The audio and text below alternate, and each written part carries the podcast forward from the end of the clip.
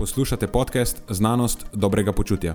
To je oddaja, v kateri odkrivamo, kako lahko znanost pomaga izboljšati vaše počutje in kako kritično razmišljanje omogoča sprejemanje dobrih odločitev na področju zdravja in fitnesa.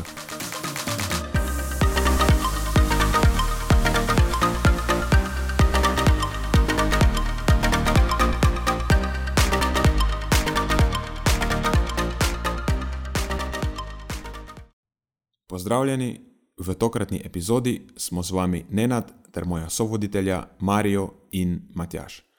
V uvodnem ogrevanju se najprej spomnimo našega nedavnega team building road tripa v Budimpešto z vsemi pripadajočimi dogodivščinami, vsaj tistimi, ki se jih spodobi omeniti.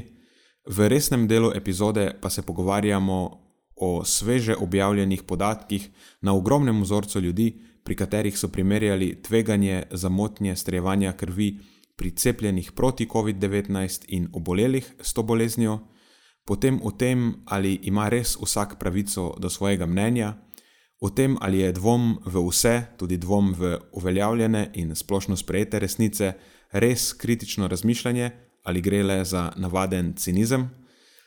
O tem, ali je pri trenerjih, svetovalcih in učiteljih bolj pomembna njihova osebnost ali strokovnost, čisto na koncu pa zaključimo na pozitivni noti s povabilom novega člana v našo hišo dobrih.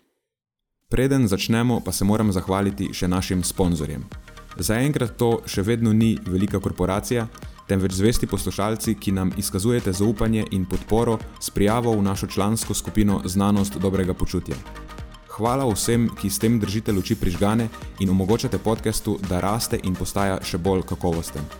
Hvala tudi vsem, ki nas podpirate s pozitivnimi komentarji in visokimi ocenami, ter s tem, da priporočate podcast svojim znancem in prijateljem. Zdaj pa je končno čas za začetek epizode. Uživajte ob poslušanju.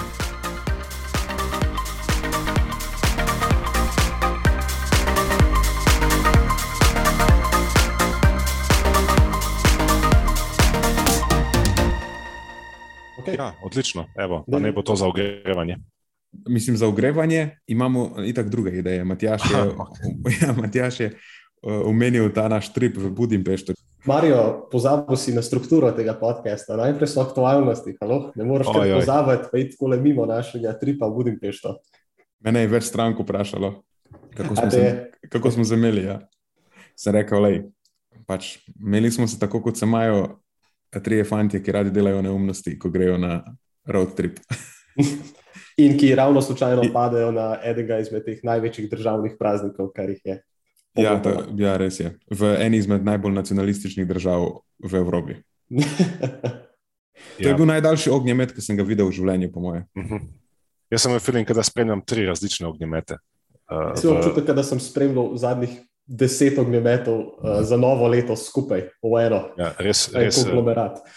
Težko opišuješ, koliko, koliko je bilo absurdno to spremljati, vsaj z mojega stališča. Pa sem se nagledal nekaj ognjemetov, sem to je bilo pa res tako, po na koncu ti gre že na smeh.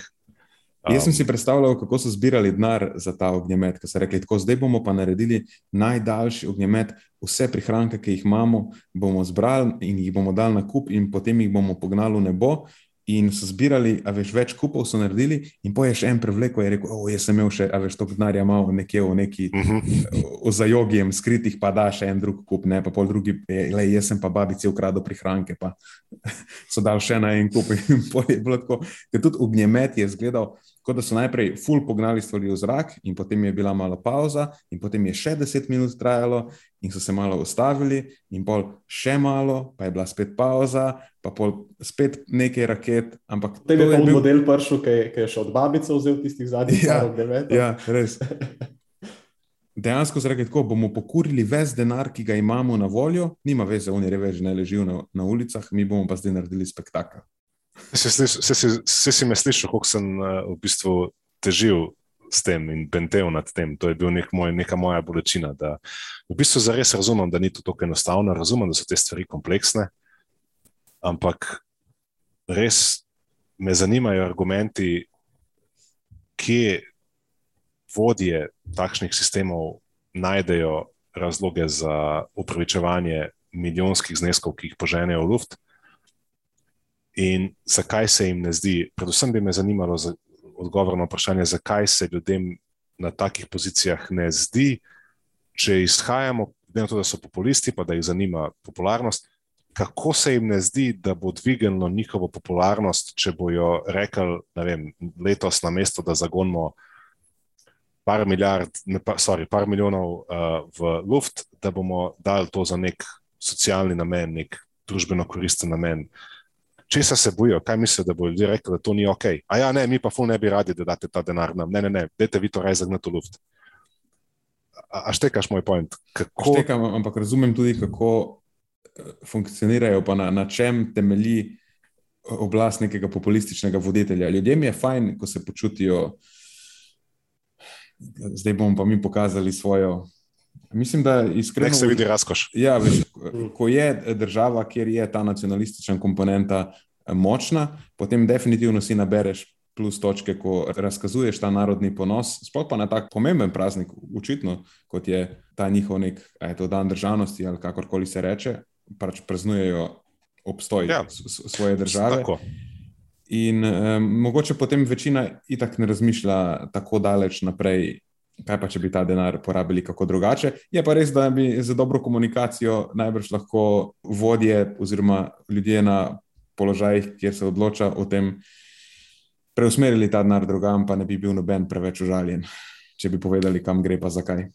Točno to. Zato sem pa v startu rekel, da se zavedam, da je ta stvar kompleksna in da je zadnja pozicija, ki jo želim zauzeti, neko obsojanje in ne zdaj ne strinjanje, ker te pravice nimam, me pa samo čisto zanimajo, zanima me, eh, čisto filozofsko, um, bi me zanimalo odgovori na ta vprašanja, kaj je prepreka, da se naredi to, kar si rekel, da bi se tudi lahko naredilo.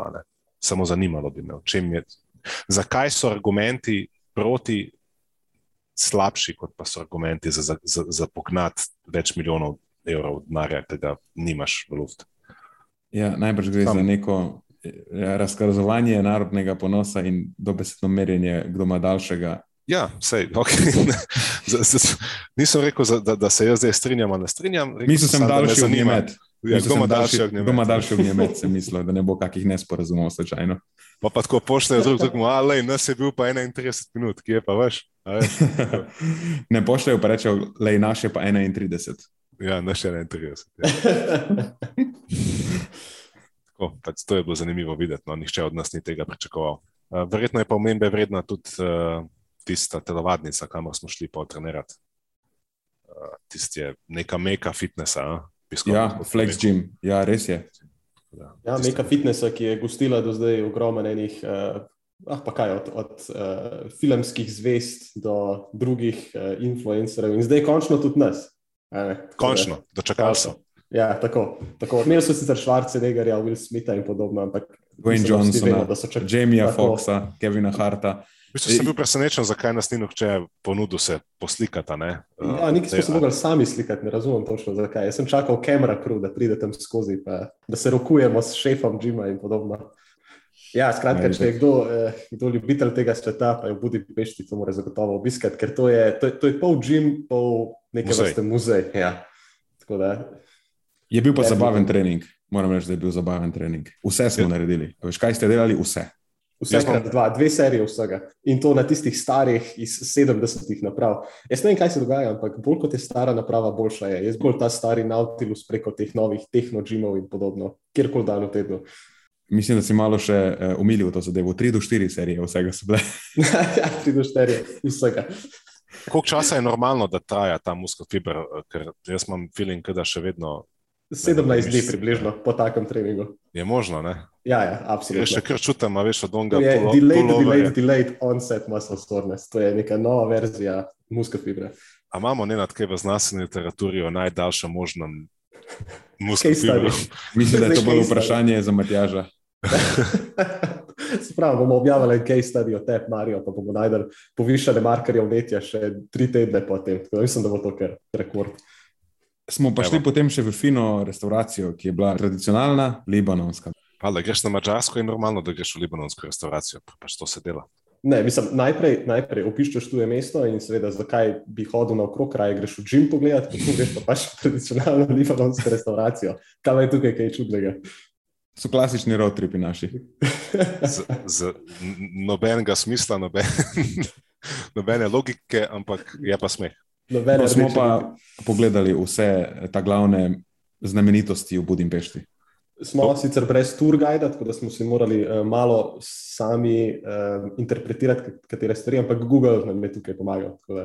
V bistvu je tako, kot je ena rekel, pogledali smo si jih. Nimam pojma, kaj sem videl, ampak videl sem. Pa se smo brali Google vmes. A to smo, to smo. Sem vam jaz prebral, kaj je kaj. Pač ena bolj absurdno velika stavba, poleg druge, ki je Se še zdaj veš pravila, Marijo. Če, če je nekdo na konju, pa z odvisnosti od pozicije samega konja, to ti pač pove njegov položaj in v kakšni obliki je takrat vladal in kako je umrl in podobne stvari. Si Ja, oni, oni na konjih so bili jaki, oni brez konja so bili jadni. Ja. To sem, to sem si zapomnil. In večjega kot imaš, bolj si bil pomemben. Ali pa če, si sta, pa Mislim, če, je kip konj je to stal, gledal. Večji kip. ali pa če je konj stal na zadnjih dveh nogah, pol, pol je bil ekstra dvignjen. Okay. Aktualnosti smo zapakirali, fanti, možno da gremo naprej. Moramo reči da smo gor pili uh, gazirano kavo. Če ni še kdo probo tega. A, se res v Starbucks, ja. Ja. Ja, nitro kava se ji reče.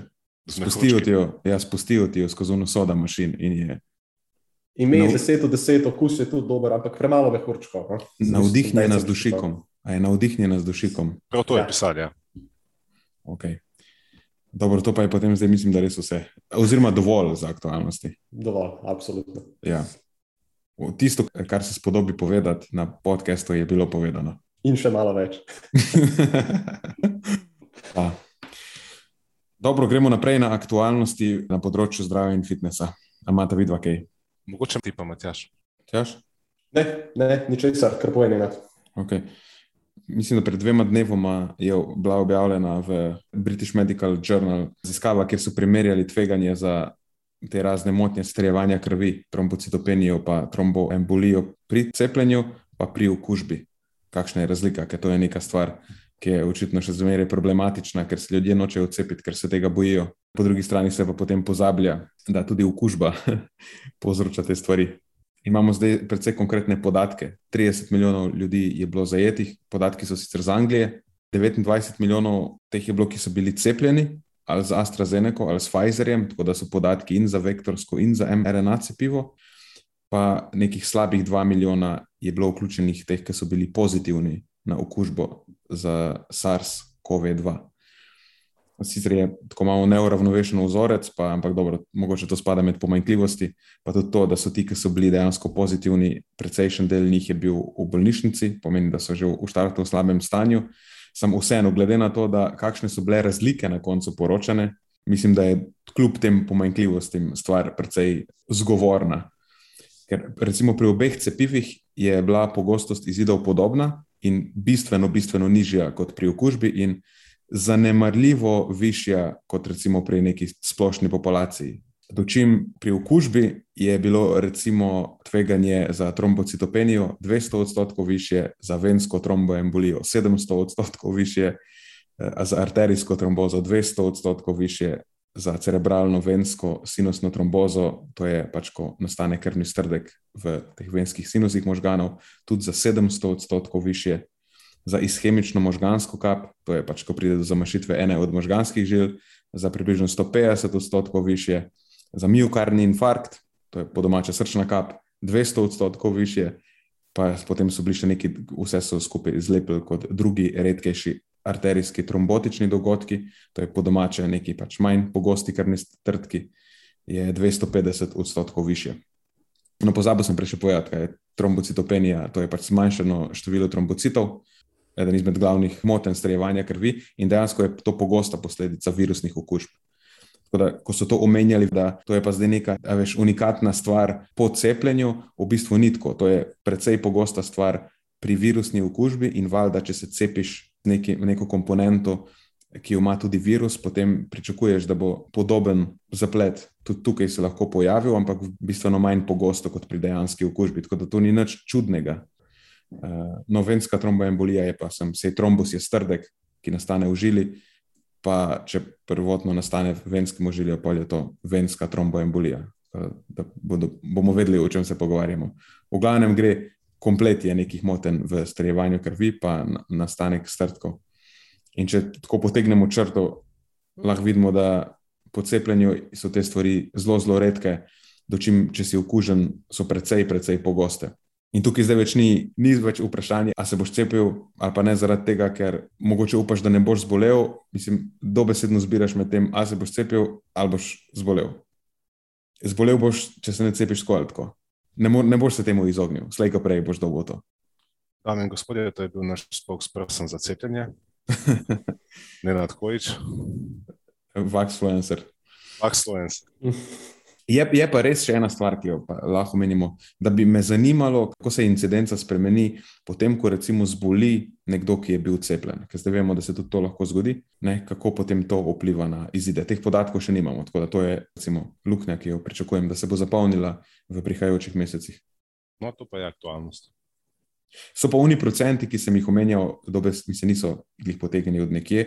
Potegnil sem jih z infografike, ker podatkov je drugač full pač se ni 200 odstotkov, 700 odstotkov, to so približni, približne številke, ki sem jih prebral z infografike, ker drugač v podrobnih podatkih je potem uh, incidenca tudi določena vem, po 8 dnevih, po 20 dnevih, po različnih dnevih. Zdaj, če bi vse to bral, pa lahko pol ure sem za to porabil. Če bi hotel povzeti z enim stavkom, kljub temu, da cepljenje samo po sebi malenkost zviša tveganje za razne motnje stranjevanja krvi, v bistvu močno zniža to tveganje, ker ni več možnosti, da se ne boš okužil. Boš se okužil, če se ne cepiš ali če se cepiš. In s cepljenjem najbrž lahko znižaš to tveganje. Tako da baseline več ni, da ti nisi okužen, ampak moraš to zadevo primerjati z baselineom, kjer ti si okužen. Ker tudi če zdaj še nisi, slejko prej boš. In če je tveganje takrat visoko, potem se pač hočeš čim prej cepiti, ker bo to cepljenje. Ne, kljub temu, da je v nekih prejšnjih okoliščinah, kjer je bil baseline, da ti nisi okužen, malo povišalo tveganje, bo v teh novih okoliščinah, kjer slej, ko prej pričakuješ okužbo, tvoje tveganje nižje. Ne vem, če se mu uspelo to razumljivo. Si, si. Uh, zdaj smo že pri tem, kdo sme govoriti o prehrani, pa kdo ne sme. Aha, moramo najprej, kako smo prišli do tega. Končno, končno smo dobili eno zvezdico v reviju.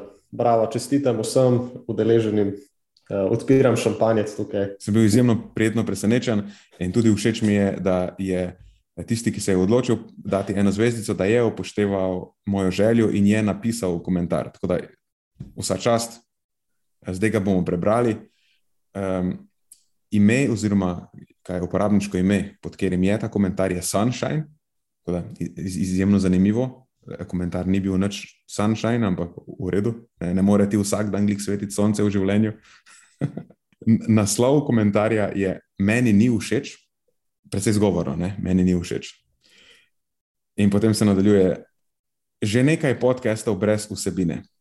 Kazanje s prstom na druge je neprivlačno. Zakaj se ne osredotočate na svoje delo in druge pustite, naj imajo svoje mnenje? In potem je z vprašanjem pisala Norišnica. Eh, tako da predvidevam, da je nekomu ni bilo všeč, da smo v tisti prejšnji epizodi Špelo Vehar zaprli v norišnico, samo zaradi njenega mnenja. Uh mhm. -huh. Evo, in to je bil zdaj uh, izhodiščna točka, izhodiščna za, točka ja. za glavni del tega podcasta. In glavni del, oziroma prvi od glavnih delov, ali pa prvi del glavnega dela, je vprašanje, ali ima res lahko vsak svoje mnenje. A bi kjer odvajal odprl to temo? Jaz lahko odprem z, z enim klasičnim pregovorom, ni več pregovor, rek v tej industriji. To je, da da ima definitivno vsak lahko svoje mnenje, tega mu ne moramo preprečiti, uh, ne more pa vsak imeti svojih dejstev. Uh, evo, s tem bom otvoril. to, da ima lahko vsak svoje mnenje, je najbolj pogost zapik tistih, ki imajo butasta mnenja. Mislim, ok, se bom popravil, da me ne bo, da bo naslednjič bom jaz dobil eno zvezdico tam v tvojih komentarjih. Ne mislim tako negativno. Mislim, da, so, da, da jih težko podpreš s čimer koli strokovnim, ampak so pač neka mnenja, ki so osnovane ali na anekdotah, ali na rekla kazala, ali pač zdi se mi, ali pa ne vem, so nekaj, kar mogoče celo gre čist kontra um, nekim empiričnim dognanjem. In zato, ker bi on rad to imel in bi rad ohranil neko pravico do tega, potem valjda edina, nič ne moš uporabiti v potrditev, ne moremo uporabiti nobenih nekih dokazov, ki bi jih kdorkoli jemo resno, kot je rekel Matjaš, pač dejstev nimam. Torej, vse, kar mi pravzaprav ostane, je, pusti mi pravico do mojega mnenja. In to, kar je res, je, da bo on lahko to mnenje imel, tega mu noben ne more vzeti. Ampak mislim, da se črta potegne tam, kjer on začne to svoje mnenje deliti, širše in druge preprečevati, oziroma nagovarjati. Tukaj je pa potem ta meja, ki se jo prestopi in kjer mislim, da se zgodijo pač sranjeno naprej iz tega. Ampak, lej, vsak, ki ima neko mnenje, misli, da ima prav. Ne? Noben nima mnenja, pa reče: Jaz imam eno mnenje, samo mislim, da to ni pravilno. Kdo začne tako? Pač, vsak, ki ima neko mnenje, do kjer koli teme, misli, da ima prav. In potem bo hotel pač biti odrešenik vseh drugih, ki jim to prodajo naprej. Ampak verjamem, da imaš tudi neko podobno stališče od tega. Mhm. Ja, zelo podobno tvojemu jaz, kot nekdo, ki nad vse ceni eh, svobodo govora in demokracijo, in tako naprej, se absolutno strinjam, da ima lahko vsak svoje mnenje, dokler ga drži izključno v svoji glavi. Eh, potem pa absolutno nima vsak pravice imeti svoje mnenje, ko to mnenje prenaša na druge ljudi ali pa celo druge ljudi posiljuje z njim. Še posebno, ko je ta nekdo v vlogi učitelja ali pa koča ali pa nekoga, ki vpliva na življenje drugih ljudi, celo na tako intimnih področjih, kot recimo prehrana, pa zdravje in tako dalje. Ne, tukaj pa potem jaz vidim v tem velik problem. Potem več nimaš samo pravice imeti svoje mnenje, ampak imaš dolžnost, da je tvoje mnenje pravilno, v skladu z objektivno resnico, kar se da, in da to, če ti v svoje mnenje uspeš prepričati še nekoga drugega, da bo potem to imelo na njegovo zdravje pozitiven učinek. Ne? Če si v vlogi pač nekega koča, trenerja, kogarkoli, od katerega se pričakuje, da bo pozitivno vplival na različna področja življenja svojih varovancev. Potem več nimaš pravice samo imeti svoje mnenje. Potem imaš dožnost, da je tvoje mnenje dobro, pa da bo imelo pozitiven učinek tukaj mislim, da v, v skladno s tem imam pravico do svojega mnenja, se je v zadnjem času začelo zelo napačno uporabljati ali razmišljati o eni pomembni besedni vezi, ki se navezuje na to, in to je kritično razmišljanje, tudi to je ena izmed naših temeljnih vrednot. In mislim, da smo to dvoje nekako povezali z en tak čuden izrodek, da zdaj nekdo ima, vsak ima pravico do svojega mnenja, tudi če je to mnenje tako naspelje stoletja nazaj v preteklost in nasprotuje nekim axiomom, do danes dognanim resnicam, ki absolutno držijo. In zdaj, če jaz rečem, zemlja je ravna, to je zdaj pravica do mojega mnenja. In še več kot to, to je celo moja pravica izvajati kritično razmišljanje. Spravi nekdo, ki postavlja pod vprašaj vse, vse. On je samo nekdo, ki kritično razmišlja in ima pravico do tega, da razmišlja kritično, in ima pravico do tega, da postavlja vprašanja, in ima pravico do tega, da ima svoje mnenje. En tak tipičen primer je, recimo, on, veš, na koga mislim, on ravnatelj na oni, uh, kaj je bila osnovna šola, gimnazija, se sem pozabil, tam v Preboldu.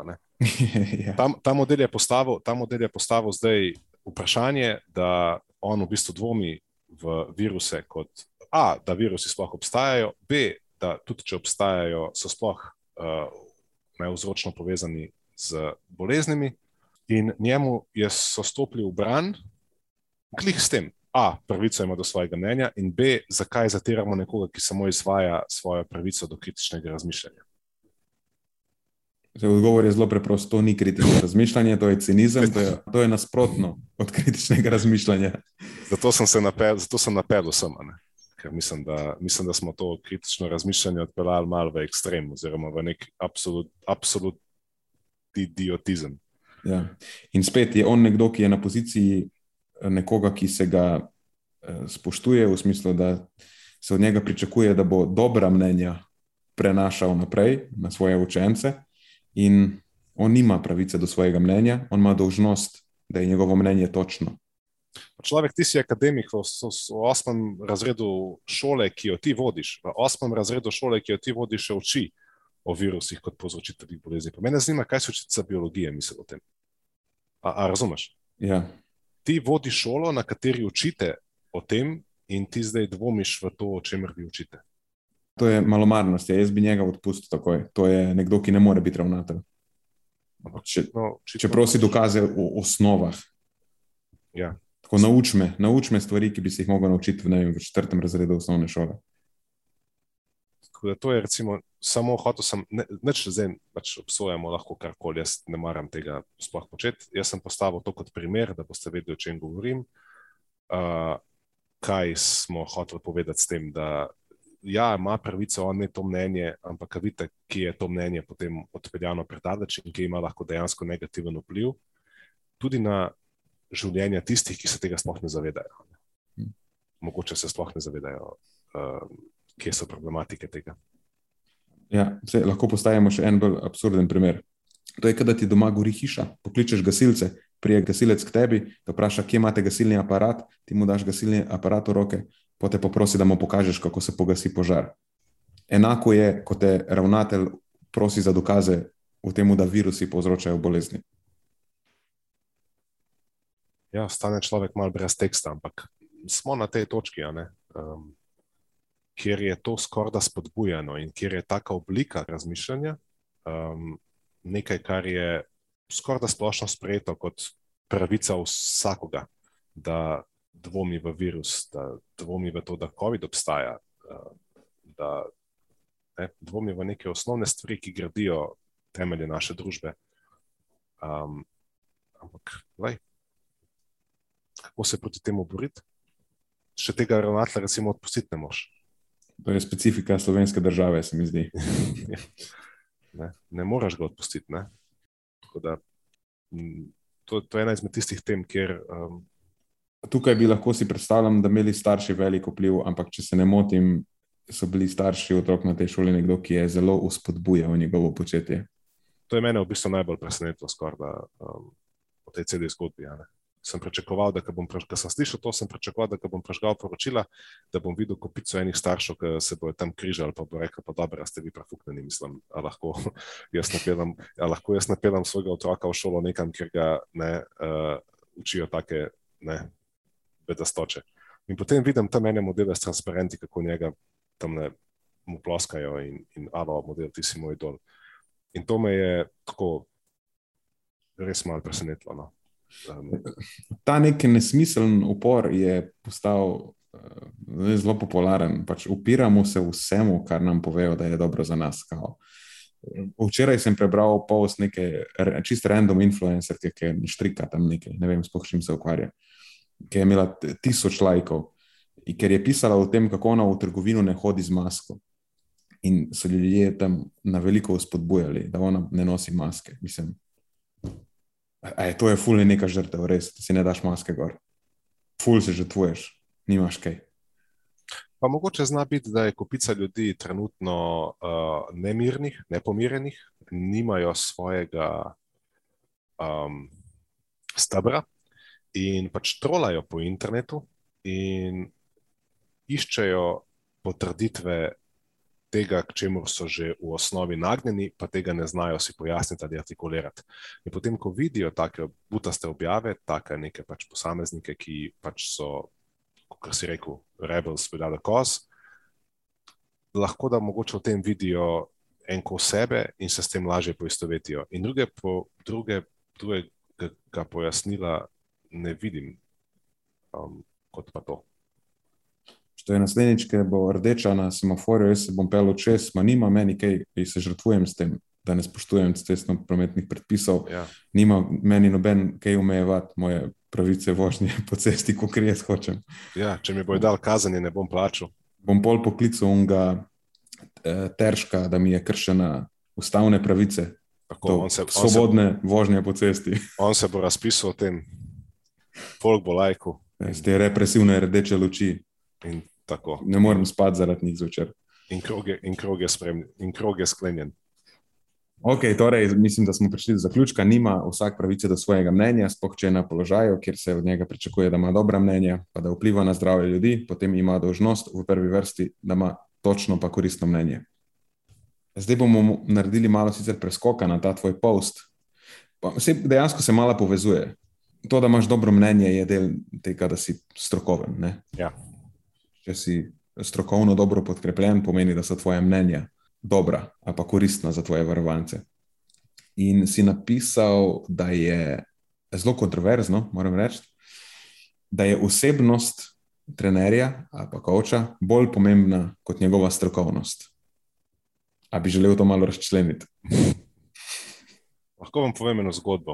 Um, nekaj let nazaj me je kontaktirala ena profesorica z fakultete za šport, s katero imamo danes v redu odnose.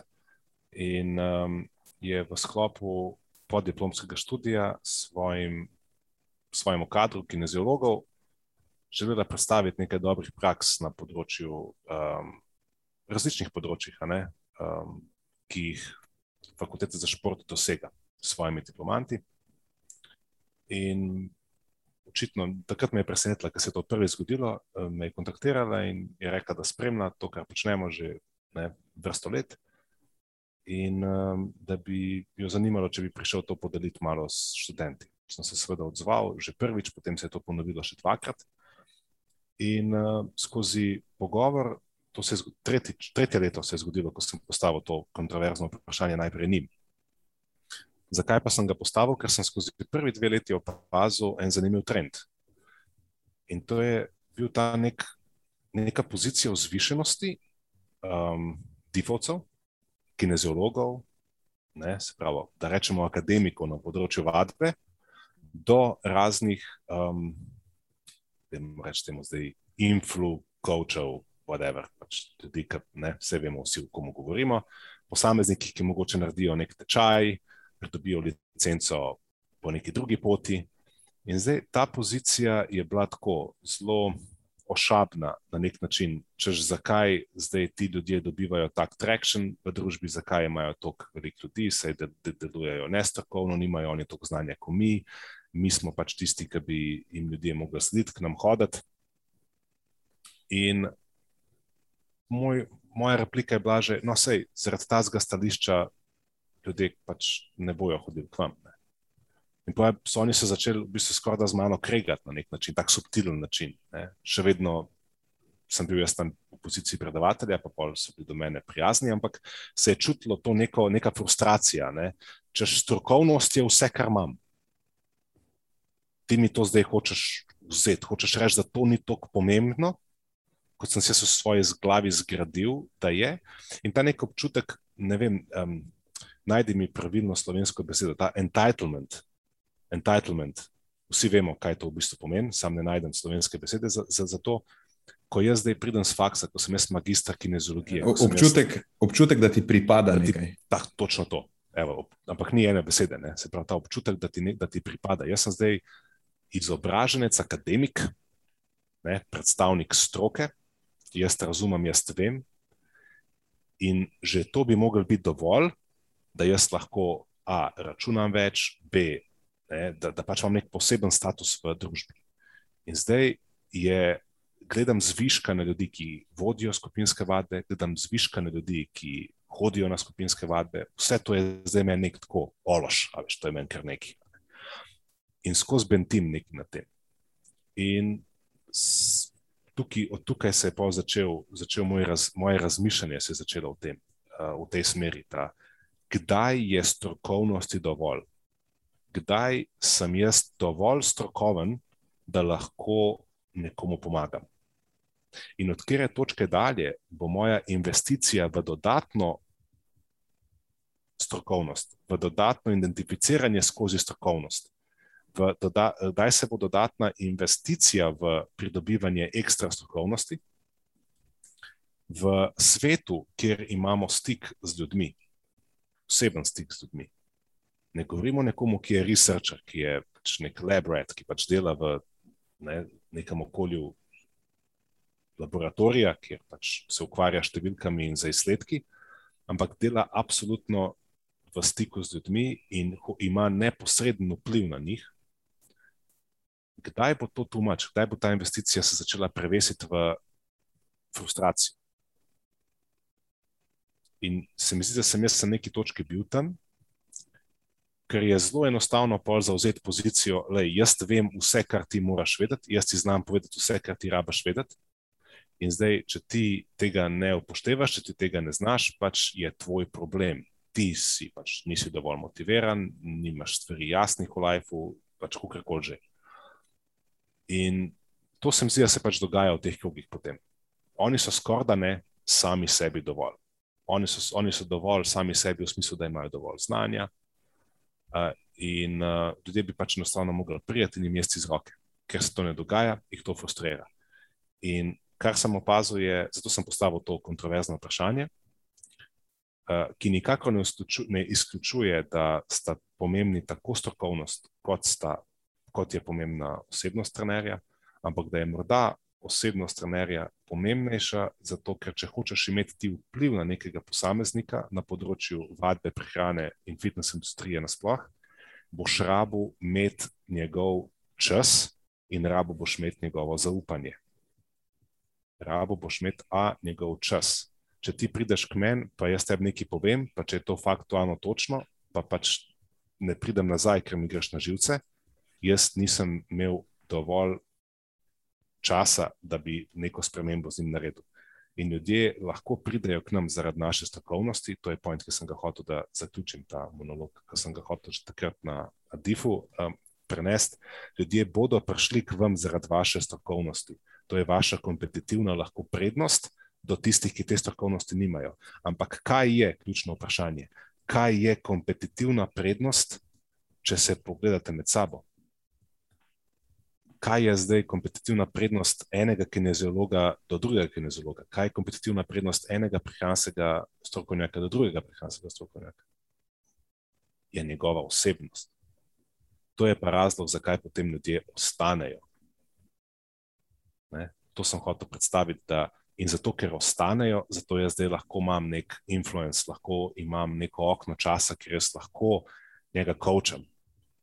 In če sem dober koč, če sem zares strokoven coach, pač pa se zavedam, da bo investicija v mehke veščine, ne samo v trde veščine, tiste pač naravoslovne, v smislu, da zdaj razumem vem, biomehaniko gibanja, razumem pač, vem, fiziologijo prehrane in podobno. Ampak v mehke veščine, komunikacije, poslušanja, um, gradnje odnosa skozi zaupanje, skozi komunikacijo, to je nekaj, kar je. Ker smo se s profesorjem strinjali, da je premalo poudarka, po, po da so to vsebine, ki so na nek način tako, kot tehnika v osnovni šoli, veš pač, da se prože. Um, in jaz sem po težji poti se mogel to sam naučiti. In prišel sem do spoznanja po 15 letih dela kot trener, da ne, že dovolj strokovno usposobljena oseba, ki ima razvite mehke veščine, je lahko bistveno močnejši, pozitiven igralec na tem področju, kot pa nekdo, ki je izjemno strokoven, ampak pač sam tako mal samo všečen kreten. Ne, bi prej stavil na tisto prvo osebo. Kako ste pa vidva pripravila ta zapis? Uh, to je spet ena tema, pri kateri smo oba dva prišla do v bistvu istega zaključka po dveh drugačnih poteh, se mi zdi. Ker, ker moje mnenje je, da osebnost lahko rešuje strokovnost, strokovnost pa osebnosti ne more rešiti. Um, jaz sem se pred kratkim spraševal o tem, v bistvu je ta miselna igrica, no, se ni resno vprašanje, ampak se mi je zdelo zanimivo. Če te nekdo vpraša, kaj je imeti boljše, pa lahko samo eno zbereš. A je imeti boljše slabo znanje na nekem področju, ampak dobre metode sklepanja, ali bi imel raje res zelo obširno znanje na nekem področju in slabše metode sklepanja. In sem prišel do zaključka, da je veliko boljše imeti pomanjkljivo znanje in dobre metode sklepanja. Ker če imaš pomanjkljivo znanje, potem z dobrimi metodami sklepanja lahko identificiraš luknje v svojem znanju, pa se jih izogneš. Če pa imaš veliko znanja, pa si velik, velik strokovnjak, ampak predvidevam, da vseeno neke luknje pa imaš v svojih pristopih, ampak so tvoje metode sklepanja za nič in kljub temu, da imaš veliko znanja, padeš v te svoje luknje, kolikor koli redke so, še vedno prepogosto, eh, pač si na slabšem. In se lahko z dobro osebnostjo v tem primeru, ker pač jaz osebnosti ne razumem samo, kako si privlačen drugim ljudem, ampak tudi kako recimo eh, vem, obravnavaš sebe, da si v nekih primerih eh, razumeš svoje pomenkljivosti, da nisi aroganten, da ne, vse te stvari v moji glavi spadajo pod osebnost da potem tudi, če ti manjka malo strokovnosti, eh, če imaš dobro osebnost, lahko prepoznaš, kje ti te strokovnosti manjka, pa ne zahajaš tja, se izogneš tega, poskrbiš, ne, da tam, kjer tvoja mnenja niso taka, da bi bila koristna ostalim, pač jih zadržiš res zase, pa jih ne daješ naprej. Ja, se z vama absolutno strinjam. Marijo, jaz sem ta tvoj zapis prebral kot ena stvar, ki sem jih mogoče vzel ven, da ti vem, strokovnosti morda odpre vrata, ampak da je osebnost potem tista, ki ti dejansko omogoča, da vstopiš skozi ta vrata, pa potem tudi ostaneš znotraj tega prostora, če se lahko tako izrazim.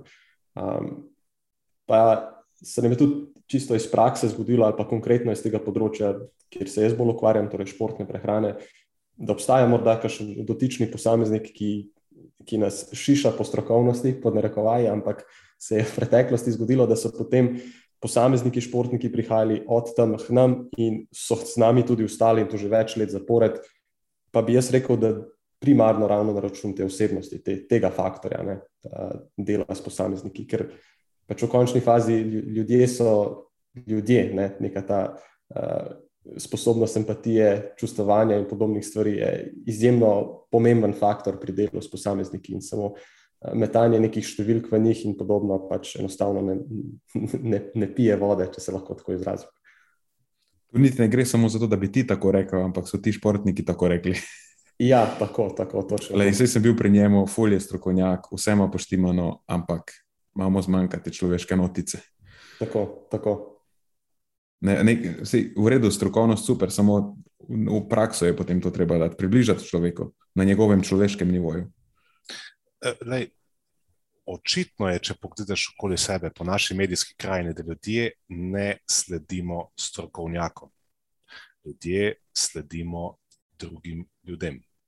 Ne, ne sledimo strokovnjakom. Če bi sledili strokovnjakom, potem strokovnjaki očitno ne bi imeli toliko težav skomunicirati ali pa prenesti neke strokovne ugotovitve na širšo javnost. To je pač jasno, kaj bili dan. Zakaj potem takem sledimo nekaterim drugim ljudem, ki komunicirajo strokovno površno, doskrat neprimerno, ne, neprimerno postavljena uh, stališča, ampak so toliko bolj odmevna, pa popularna, pa deljena, pa upoštevana. Ne? To je en tak primer, kjer je osebnost očitno močnejša od strokovnosti. Očitno, ker če bi bila strokovnost tata mata, pa bi bil ihan v naši državi Bog. In to, kar on reče, to bi mi vsi delali. Misliš, glavni influencer? On bi, glavni, on bi bil glavni, Ihan bi bil glavni zdravstveni influencer v tej državi v zadnjem letu, dveh na področju cepiv, ker je, po mojem mnenju, pa ni edino mnenje, eden največjih strokovnjakov na področju imunologije, ne samo pri nas, ampak tudi širše. Torej, strokovnosti mu absolutno ne primankuje. Čem je problem? Čem je problem?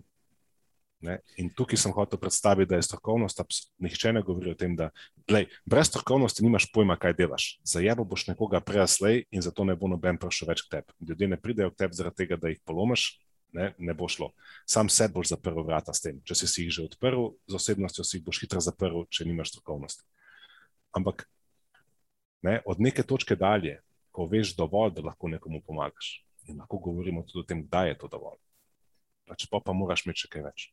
Uh, super si to povedal. Jaz sem imel prejšnje leto luksus poslušati dr. Hanna, ki mi je predaval imunologijo. In ne morem reči, da nima osebnosti, še zdaleč ne, ker ima, um, v bistvu je zelo prijeten za poslušati uh -huh. in tudi zelo prijeten je za debatirati. Um, mislim, da ima vse v tem pogledu, kar sem jaz prej predstavil kot dobro osebnost, vsaj te komponente ima izjemno dobro razvite, zaveda se svojih omejitev, ve, ki je ve veliko več od nas, ve tudi, kje mogoče ve premalo, da bi lahko bil preveč pameten, pa kljub temu, da ve več od nas. Tako da to je bilo nekaj, česar nisem vajen, bom rekel tako. Za nekoga, ki je tako načitan na nekem področju, eh, ga doskrat odnese, no, pri njem nisem dobil tega občutka in sem bil res izjemno presenečen. Tako da je dobil še, poleg tega, da je že imel kupenih plus točk, pri meni je dobil še več plus točk. Eh, tako da ne mislimo, nismo imeli tega v mislih. Gre se samo za to, da on in njegovi kolegi se niso nikoli aktivno probali približati posameznikom. Zdaj, iz različnih razlogov. Ne pomeni to, da so delali slabo ali pa kakorkoli na tem področju. En dober primer lahko spet izpostavimo, kjer pa se je to naredilo, pa smo ga omenili že v prejšnji epizodi, je David Zapančič, ne, ki je komuniciral recimo v tej eh, epidemiji na zelo strokoven način, ampak na tak način, da se je približal posamezniku in ljudje so ga poslušali on sam sicer ne more upraviti vsega in pač lahko doseže omejeno število ljudi, pač vsaka osebnost tudi ni za vsakega, ne, ne približa se vsakemu. Uh, se mi zdi pa, da bi se lahko večina od njega marsikaj naučila. In če bi bilo enih 5, 6, 7, 10 takih posameznikov, bi bili kot država, po mojem, zdaj v bistveno boljšem stanju. No, hvala, da si me dopolnil, ker je zadnja stvar, ki sem jo bi si želel, no, da izpade, da je zdaj Marijo tukaj rekel, da jih ima osebnost, več butasto. Pač to ljudje res poslušamo včasih zelo selektivno. Ne, hvala, da si to dopolnil. Tudi jaz sem imel to srečo, da dr. Hanna spoznati in, in kot sam praviš, ne, je res zelo zanimiv uh, miren človek. Uh, ampak verjetno bih za to je nekdo, ki se pač ne izpostavlja na podoben način, mm -hmm. kot če gledaš v javnosti, v taki situaciji, ko vlada neka splošna panika, rabiš nekoga, da se izpostavi javnosti. Tukaj to je. Ne? In pač izpostavil se je. Izpostavili so se drugi, izpostavil se je Marko Potrč, izpostavili so se nekateri drugi, ki s tem nimajo težav, ne, in so se izpostavili za osebnostnimi um, karakteristikami, ki jih načeloma ljudje, pri, uh, ki pri ljudeh Eh, gradijo ali pa se upadajo za zaupanje do, do ljudi, z neko mirnostjo, z neko uh, fino retoriko. Z, Da, izposta, da izpostaviš svojo osebnost, je treba iti med ljudi. Doktor Han ni imel luksusa za iti med ljudi, ki je imel druge pač stvari za delati. Ja. In je pač ustal samo v tej svoji strokovnosti, ni imel niti prilike izraziti svoje osebnosti. Uh, pač mogoče ni imel želje, ni imel potrebe, karkoli dočim, tako kot rečeš, ja, razni markoti potrči in tako naprej, so pa pač kljub temu, da jim ful primanjkuje strokovnosti, so imeli veliko željo se izpostaviti pa iti med ljudi. In na nek način imajo dovolj privlačno osebnost, so dobro artikulirani, eh, znajo stvari pre predstaviti na privlačen način. Ja, so pritegnili pozornost, ampak načeloma na slab način, ker jim manjka druga komponenta. In definitivno sta obe stvari pomembni. Tako. No, v bistvu je bil moj point na nek način, tukaj nisem hotel nobeno ime zdaj plačiti v to razpravo, ampak če se izpostavi strokovnjak, ki zadrži zase komponente svoje osebnosti, ki bi bile lahko drugim ljudem privlačne, mag, ne, da nimate neke, tega magneta, ki ga ne. Um, bo njegova strokovnost imela verjetno bistveno manj močan domet ali vpliv, kot pa če se izpostavi nek strokovno pomankljiv posameznik, ne, ki pa vrže ven kupico nekih univerzalno privlačnih karakternih lastnosti, bo tak posameznik verjetno bolj deljen, lajkan, šeran ne, in, in splošno bolje spred. In to je nekaj, kar, to, kar sem jaz povedal, je morda kontroverzno. Je kontroverzno. Ampak je res presenetljivo, če pogledaš, kaj poganja svet socialnih medijev, kaj se šera, kaj se lajka, kaj ima tisoče ogledov, kaj ima kaj dosega neke viralne uh, razsežnosti. Ne? A nas pritegnejo strokovne vsebine? A nas pritegnejo strokovne vsebine? Pa zakaj imaš pol ti samo 3000 uh, uh, sledilcev? Zakaj ima potem neka oseba, zadnjič smo jih z Matjažem gledala, pač čist. Gledala so fit ene osebe, ki je kao kvazi strokovnjakinja na našem področju, ima 3000 followerjev in sva gledala fit te osebe. Mi dva sva našla na vsakih deset vsebin eno relativno uporabno, polstrokovno vsebino. Torej, če bi bila strokovnost nekaj, kar, um, kar je glavni magnet našega interesa, pa bi morala imeti tako oseba nič sledilcev. Pomen, nič, a veš, mislim, Zakaj? Se nobenih strokovnih vsebin ne daje. In če pogledaš moj fit, ne, imaš še v tiste osebne vsebine upeto neko strokovno, neko uporabno, nek, veš, nek, nek strokovn, vidiš, da je strokovnost prepletena skozi osebnost vse čas. Pa to je folku manj všeč, generalno. Ne, tukaj imamo mi tudi večji problem ali pa izziv, kako približati ljudem to, kar mi znamo narediti. In v bistvu res ni presenečenje, da, da uh, ljudje bolj tripamo na osebnost ljudi, kot pa na njihovo strokovnost, in da smo jim pripravljeni spregledati marsikaj. In še ena stvar, preden vam predam besedo. 15 let delam to, kar delam, mi, pa osebno sem delal sam z več kot tisoč ljudmi. Kako mislite, da od teh ljudi me vprašali o mojih strokovnih referencah? Tako da o čem se v bistvu pa sploh pogovarjamo? Ne? Pa to ne pomeni, da, sem, da ne bo zdaj kdo mislil, da sem totalen šarlatan, ki nima pojma, kaj delam. Vseeno sem ne, še vedno v fazi pridobivanja znanja, poleg tega imam po ekipi ne da Matjaža, ki mislite, da bi mi res pustil biti šarlatan. To je...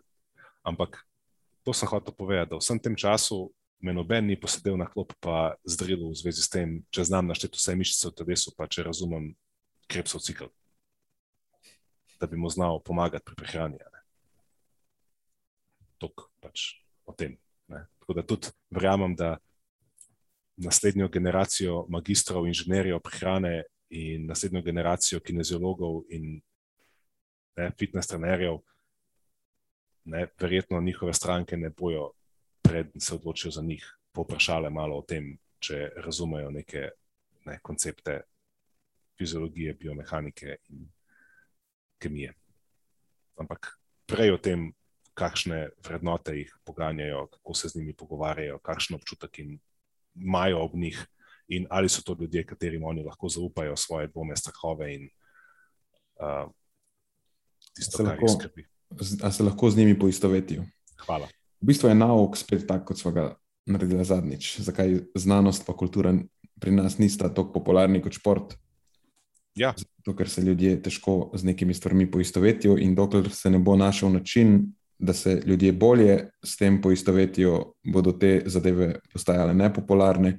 In mislim, da tudi bo tako na področju fitnesa in medicine in še česar koli, dokler se bo skrivalo za strokovnost in se ne bo iskalo načinov, kako se izrazi ta komponenta osebnosti, v smislu, da se gre med ljudi, da se jim nekako. Da se pomaga ljudem poistovetiti z temi področji, ki jim morda niso najbližje, uh, potem bo tudi tukaj marsikaj ostalo spregledanega.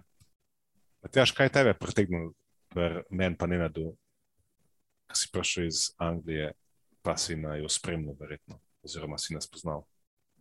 Ja, jaz, jaz sem Filip spremljal že, uf, že, že dolgo, dolgo časa. Um, veliko pred obiskom Anglije, pravzaprav takrat, ko si bil, po mojem, še solo akter, Marijo, če se ne motim. Ojoj. Um, ojoj. Uh, in, ja, mislim, a, a sem bil res tako nestrokoven, da mi pove.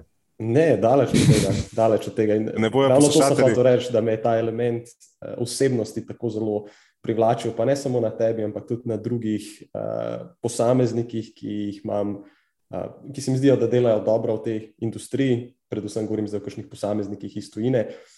Pač prva stvar, ki me je vedno nekako uh, pritegnila pri njih, je bila točno ta uh, ta osebnost, te, vse te osebnostne lastnosti, o katerih ste govorili, o nekih sposobnostih eh, empatije in uh, sposobnost tega, da se lahko dejansko poistovetiš s človekom in podobno. In strokovnost je bila vsaj ena taka zelo, zelo dobra začimba v tej celotni zgodbi. Tako da, takoj ko sem prišel iz, iz Anglije s tem magisterijem, kot si rekel, Marijo, praktično iz, direkt iz letališča, kot se rad včasih pošališ, sem imel vedno to nekako v mislih. Ne?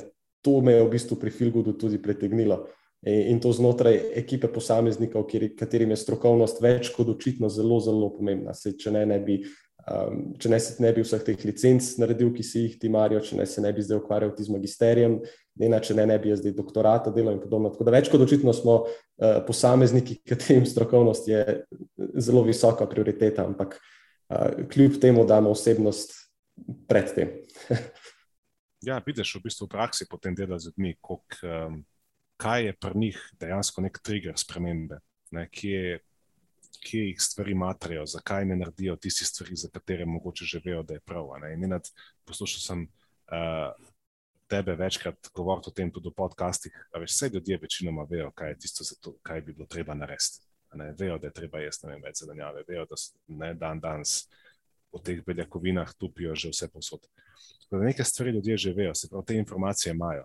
Torej, kaj rabijo še enega strokovnjaka, da jim to vse še enkrat pove? Kaj, čem je pol problem? Se pravi, problem je, da tega ne spravijo v prakso, tega ne znajo ali pa ne razumejo, ne, vem, ne postavljajo si pravih vprašanj, ne znajo reševati problemov, zajam, zapadajo v cikl ponavljanja istih napak, imajo nek negativni pogovor sam s sabo, cikl samo obtoževanja in tako dalje. Se pravi, tukaj se ne znajo ven zveč. In tega mislim, da strokovnost to, to težko rešiš. Govorim, seveda, ko govorim o strokovnosti, mislim na ne. Veste, na kaj mislim. Pač na bazična znanja o prehrani. Tako, pa, tako, pa, hvala, ja, da ne bi izpadlo zdaj eh, preveč široko ta termin uporabljen. Da, na, to, na to upozarjaš že ti sam dolgo. Ampak veš, da smo imeli tudi sama debate, mi dva, še ko smo da sama, prednji je Matjaš prišel o tem, mm -hmm. precej. Ne?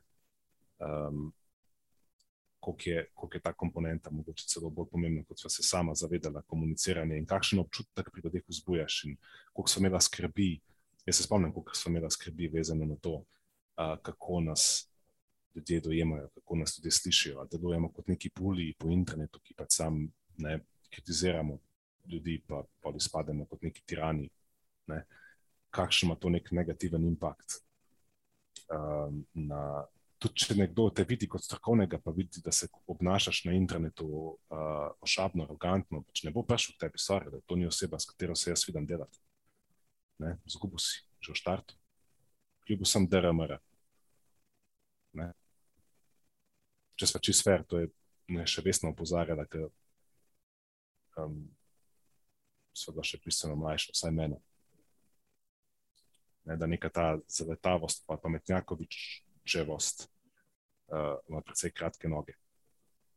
Ampak, evo, ne, zdaj pač opozarjamo na to in želimo s tem, s tem sem tudi želel, mogoče pri tistih, ki pri trenerjih dvigati pač neko stopnjo kritičnosti um, pri razmišljanju o teh vprašanjih, pri uh, ljudeh, ki pa se mogoče odločajo za storitve, ki jih mi ponujamo, pa prikazati, da je to ena stvar, ki je pri nas ne zanemarjamo. Ja, pa tudi pri ljudeh, ki recimo spremljajo neke vire, da se mogoče malo vprašajo, okay, ali se mi mogoče nasedajo samo na osebnost. A, a, veš, a, je, a mogoče malo preveč zaupam mu samo zaradi osebnosti, pa pozabljam se vprašati, kakšna je pa dejansko njegova strokovnost, kakšne so njegove kompetence na tem področju. Točno to, hvala, ker si na to opomnil. Sem še potem dodatno opisal, ker sem objavil, delil na Facebook sem dodatno napisal, da zadnja stvar, ki sem si jo želel, je, da izpade ta objava, ta citat, kot, neka, kot neko opravičilo ali pa potuha strokovno pomankljivo usposobljenemu kadru, ki brke ne svoj biznis fura po principu, lej, hojla dri, da imamo tukaj le en program, da imamo bi malo hopa par, par brpijo, par nekih jumping jackov in ne važno, da se nekaj dela, zihar je boljš, kaj neč. Ne, to je zadnja stvar, ki želim, da to sporočilo uh, ga ima ta vpliv, in zato sem se tudi res potrudil skozi zapis uh, to nekako dovolj dobro predstaviti. Ampak hvala, da si to opomnil zdaj, ker mislim, da se zelo hitro lahko to tako razume. Uh, torej, če potegnemo črto, osebnost je bolj pomembna od strokovnosti, ampak to ne pomeni, da strokovnost ni pomembna, obe sta zelo pomembni. Samo osebnost strokovnost lahko reši, pa osebnost strokovnosti lahko pomaga rasti strokovnost pa načeloma na osebnost nima takega vpliva. In zaradi tega rečemo, da je osebnost bolj pomembna kot strokovnost. Super, ne da si to zapeljal. Zdaj pa ostali sta nam še dve stvari, ki sta norišnica in dobra praksa. Zdaj se bojim, da za norišnico nažalost nimamo časa, ker to je pripravljen masaker. Uh, ne, šalim se. Brez skrbi, ampak ja, kandidata imamo pripravljenega. Mm, ampak bi se meni zdelo pošteno, da ga malo bolj razčlenimo, ne, da ga pohitrimo po, v, v petih minutah. Bi pa uh, pustil priložnost, da vseeno da zaključimo na pozitivni noti, pa da izpostavimo dobro prakso. Mislim, da to nikoli ne škodi. Absolutno, lahko enkrat zaključimo tako obelo pozitivno. Ne? Pa se skozi no, zaključimo v pozitivni noti. Ja, vedno, je, vedno je dobra praksa na koncu, ne vem, o čem govoriš. Ja, zadnjič smo jo pozabili, to sem hotel reči. Ne, to... Ampak zadnjič smo niti norišnice imeli. Ano, to pa je res. Pa je res. Uh, za dobro prakso pa, Marijo, mislim, da si ti predlagal to dotično osebo, uh, pri kateri smo bila nedavno na enem izvrstnem seminarju. Ja, pa kar jaz povem. Prosim. Um, jaz mislim, da je Matej Hočever nekdo, ki je res primer dobre prakse uh, pri nas na področju fitnesa, fitness industrije, uh, trenerstva, uh, dela z mladimi športniki in tudi mentorstva, če govorimo o sami industriji fitnesa. Tako da, Matej Hočever, skratka. On je moj predlog, kot primer dobre prakse lahko bi naredil nek, um, nek kot nadpomen, kot se v Vigor Jim, ki ga Matej tudi uh, je eden izmed ljudi, ki ga vodijo. Da Mateja poznam že dlje časa, imel sem priložnost malo spoznati načine, kako on razmišlja. Uh, v Vigorju sem videl, kako stvari funkcionirajo, kako dela. Um, in mislim, da je to nekdo, ki si zasluži biti v tej naši hiši. Dobrih. Dobrih, da je tako reči, hiši dobrih. Uh, tako da rekel sem Matjažu, da če bi imel, če bi imel sina ali pa hčero, ki se ukvarja z nekim športom, um, še posebej recimo nogometom ali pa z nekim, s katerim se Matej res uh, specializira, uh, je ne, niti ene druge osebe ne vidim, kateremu bi jaz zaupal, da, da, da, da jo oziroma ga trenira, kot je to Matej. Mislim, da je Matej zelo dober tudi za okrož to epizodo, ker Jaz sem ga zdaj imel sposobnost spoznati prvič v živo, ampak spremljam njegov kontent že dlje časa in vidim, da je nekdo, ki je strokovno gledano izjemno podkovan. Uh, ampak, ko ga uživo spoznaš, je pa to čist druga zgodba, ker je tak zelo velik karakter, no? zelo, je, zelo je pozitiven, uh, z vsakim si je vzel čas, da je spregovoril par besed, celo z mano, čeprav se tudi prej iskreno nismo še nikoli srečali ali pa imela drugih interakcij. Um, tako da osebnost in strokovnost pa eno. No?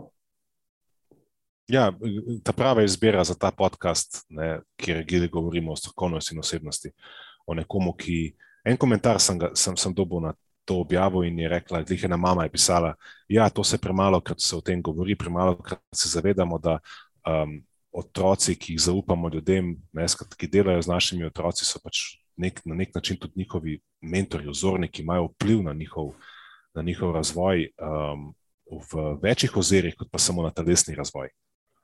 In trenerjeva osebnost ima zelo močen vpliv. Jaz, kot košarkar, ki je več kot desetletje se ukvarjal s športom in bil deležen um, izkušnje dela z različnimi trenerji, lahko potrdim, da neke osebnostne vedenske karakteristike določenih trenerjev, ki sem jih imel v mojem otroštvu, so še do danes pustile na meni kar nek pečat. Se še kar spomnim teh spornih praks uh, obnašanja, izvajanja nasilja, dretja, um, preklinjanja. Uh, to, ne vem, malo se včasih to jemlje z rezervo, pa se obrne na hec. Ampak ne, nisem prepričan, če, če je to prav. In um, zato sem, se mi je zdelo, da se pač Mateja lahko tukaj izpostavi. Dobro nimam mes kaj za pripomniti. Tako da, Matej Hočevar, upam, da sprejmeš naše povabilo, pa nas počastiš z prisotnostjo v naši hiši dobrih. Če, on sicer ne verjamem, da to posluša, ampak lahko ga drugi vprašajo, če ga, ja, kdo, če ja. ga kdo pozna. Če ga kdo pozna. Bi bili zelo veseli. Ok, to je to, po moje, za danes. To je to. To je to. To je za tokrat vse iz naše strani. Hvala, ker ste poslušali do konca. Delite epizodo s svojimi znanci in prijatelji in jo priporočajte dalje, saj s tem omogočite, da sporočilo znanost dobrega počutja doseže čim večjo množico. Hvala vsem, ki nas podpirate s članarino in tudi vsem ostalim, ki delite podcast dalje in nam izkazujete naklonjenost z visokimi ocenami in pozitivnimi komentarji. Se slišimo prihodnjič, do takrat pa ostanite premišljeni.